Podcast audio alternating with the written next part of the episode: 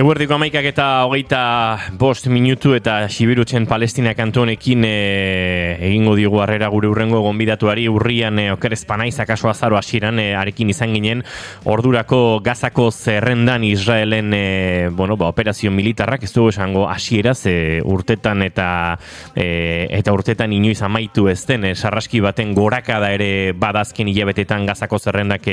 bizi duena baino aritu ginen eneko kaierekin. Hain zuzen ere orduan sortu zirelako lehen e, mobilizazioak e, Euskal Herrian. Hilabeteak pasa eta mobilizazioek hor diraute gero eta indartsuago, gero eta jendetsuago asteburuan e, behasainen izandako horren e, adibideare badugu. Aurreko asteburuan ere aipatu genizki zuen Euskal Herrian hainbat lekutan egindako konzentrazioak, baina batez ere aipatu genizuen joan den astean eta sehatu ginen enekorekin aritzen, azkenean e, gaur izango dugu tartea berarekin. Ba, bueno, mobilizazio horietan desinbertsioak, boikota e, presio zuzen ari direla eskatzen eta horren inguruan aritu nahi genuen berarekin. Eneko kaie, egun eta ongitorri berriz ere bigarren kafera. Kaixo, eskerrik asko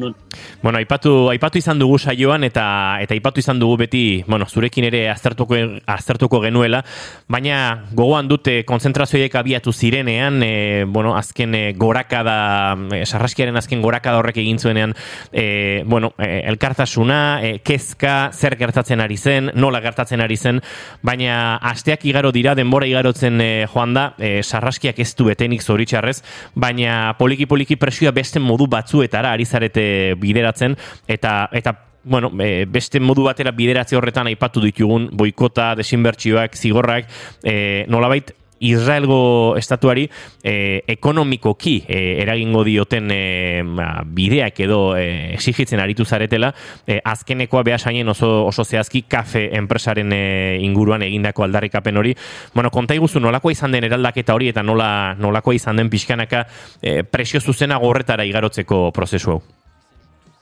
Bueno, oza, nik uste dut eh, eraldaketa hori eh, naturala izan dela, ez? Azkenengo hilabeteetan eh, Israel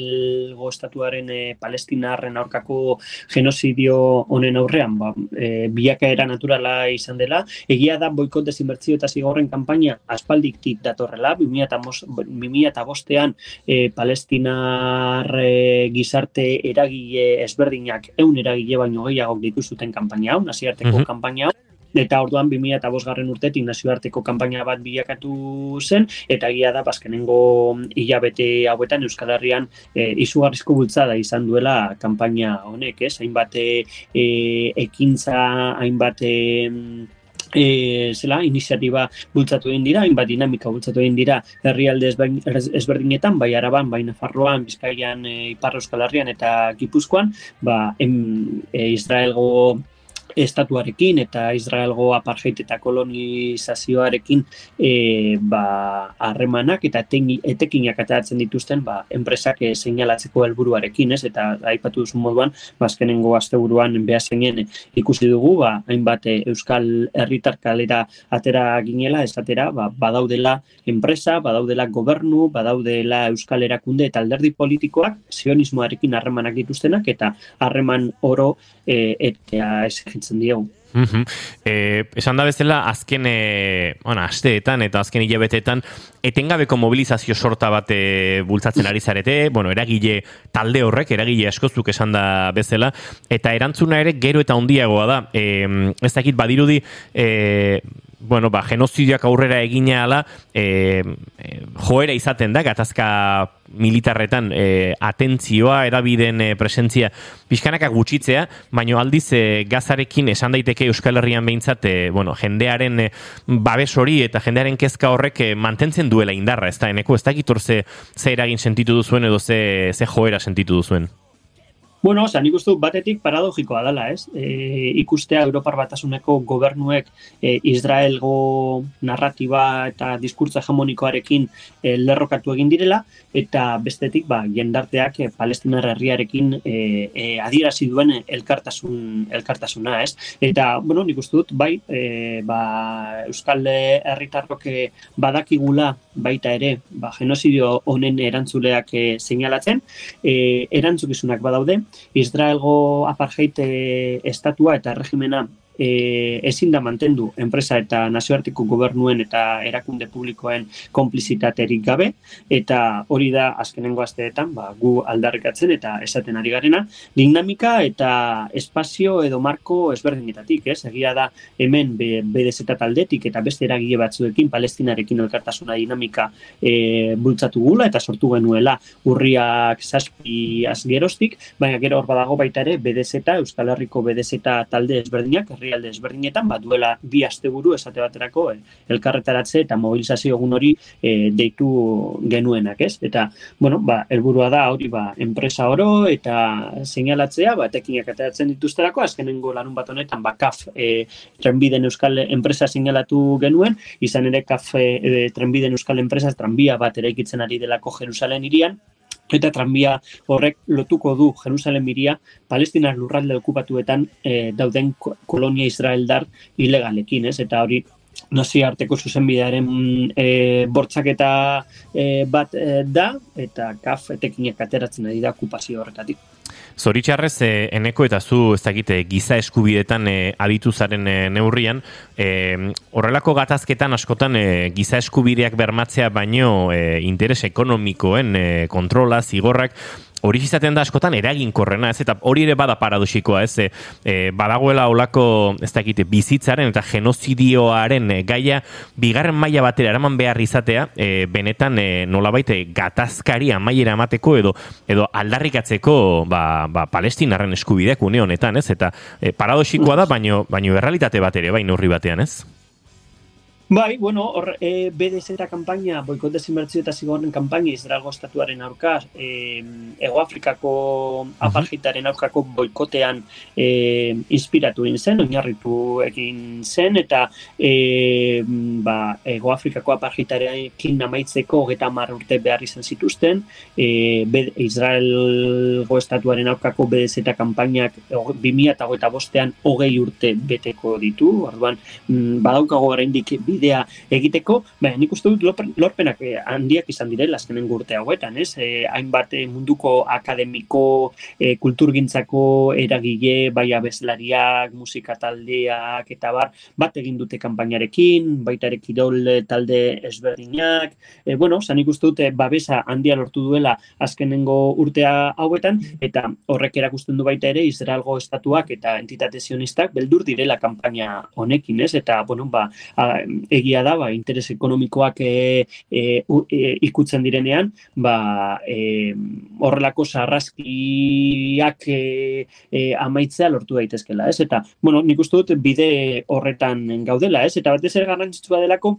e, ba, gertatzen ari dena, edo palestinan duela iru eta magost urtetik gertatzen ari dena, e, ez dela gauza isolatu bat, baizik eta baita ere gu en, nola baite erantzukizun bat daukagula, ba, palestinar herriak sufritzen arien genozidio horretan, eta hor badaudela baita ere, ba, gure, gure gobernu eta enpresen interes ekonomikoak ez, eta horiek seinalatzea ezinbestekoa da, ba, sarraski eta genozidio honekin e, amaitzeko, ez? Osa, hor badaude, ba, armagintzako enpresak esate baterako, ez? Duela bi aste hori da salatu genuena Euskal Herrian bez eta talde ezberdinek, ez, aipatzen genuen ba Israelekiko dauden arma merkataritza amaitu egin behar dela, ez, eta batez ere e, Israelgo estatuarekin dauzden harreman e, oro, bai diplomatikoak, ekonomikoak, kulturalak, kirolekoak, zientifikoak, akademik, akademikoak, bueno, harreman e, oro e, eten behar dituztela, ba, bai gure gobernua, alderdi politiko eta enpresa guztiek, ez. Eneko zaila da optimista izatea horrelako genozidio bat gertatzen jarraitzen ari den e, bitartean,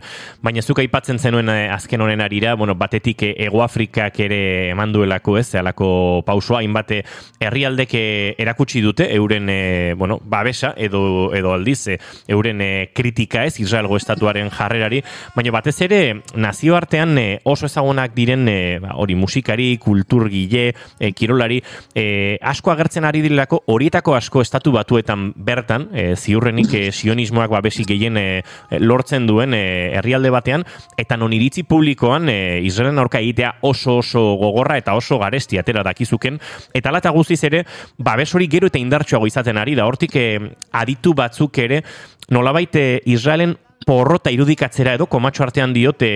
ba, e, aipatu izan duten, badagolako ez iritzi publikoan, ba, bueno, e, akaso inoiz ez dakitzu gatazka askoz gertu gauti jarraitu duzu, akaso inoiz egon ezten babes e, maila bat izaten ari dela Palestina, e, aipatzen ari garen erreferente, bueno, ba, multidisciplinar edo e, esparru askotako jei dagokionez, ez? Bai, osea, nik uste dut hor eh, babesa areagotzen joan dela estatu batuetan baita ere, aipatu duzun moduan, baina gero egia da baita ere, e, gobernu eta Europar Batasunaren esatu baterako eldarraria e, palestinarekiko elkartasuna kriminalizatzeko ere, ba, areagotu egin dela azkenengo hilabete eta asteetan, ez? Eta hor, bueno, ba, e, azkenengo hilabeteetan ikusiko dugu, ba, nola ba, e, Europako herrialde ezberdinetan palestinar bandera kalera ateratzea debekatu egin duten, frantzen zateateako palestinarekin elkartasun e, elkartaratze eta mobilizazioak debekatu egin zituzten, eta, bueno, ba, ikusi dugu nola gu eskatzen ditugun e, Israelekiko zigorroiek, ba, palestinarren aurka hartzen diren Europar batasunan esate baterako, ez? Mm -hmm. Santzio berriak onartu egin ditu, palestinar herriaren aurka, e, ba, terrorismoa e, gora ipatzea da leporatuta, ez? Orduan, bueno, zan ikustu dute baietz, ba, palestinar herriarekin e, elkartasun hori areagotzen dela herrialde ezberdinetan, estatu batuetan ere, baina baita ere e, e, ba, kriminalizazioaren oldarraldi hori ba, areagotzen dela Europako herrialde ezberdinetan, ez?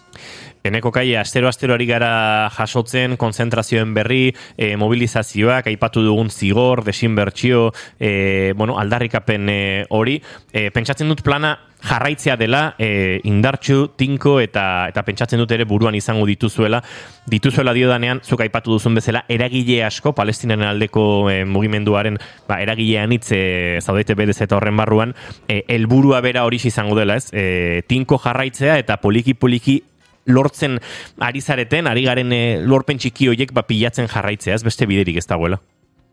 Bai, hori da, oza, gu tinko jarraituko dugu, bide horretan, azkenengo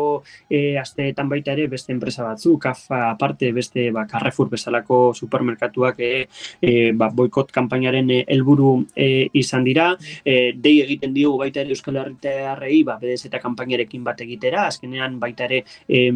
jarrera individualak e, aldatuz, baita ere e, ba, boikotarekin bat egin dezakezulako, ba, e, produktu batzuk ez erosten, edo supermerkatu merkatu batzutara e, ez joaten e, eta abar, bueno, ba, hor iritzi pertsonalak egon daitezke eta horre laguntzen du baita ere, ba, Israelgo estatua isolatzeko eta Israelgo estatua azkenenan ba, nazioarteko zuzen bidea bete dezan, hori da aldarrikatzen duena kanpainak, bedez eta kanpainak, eta horrengo asteetan ere ba, mobilizazio gehiago dituko ditugu, eta helburua da Israelgo estatua isolatzea, eta esate baterako orain, az, e, egun hauetan, ba, e, Europako baita ere, e,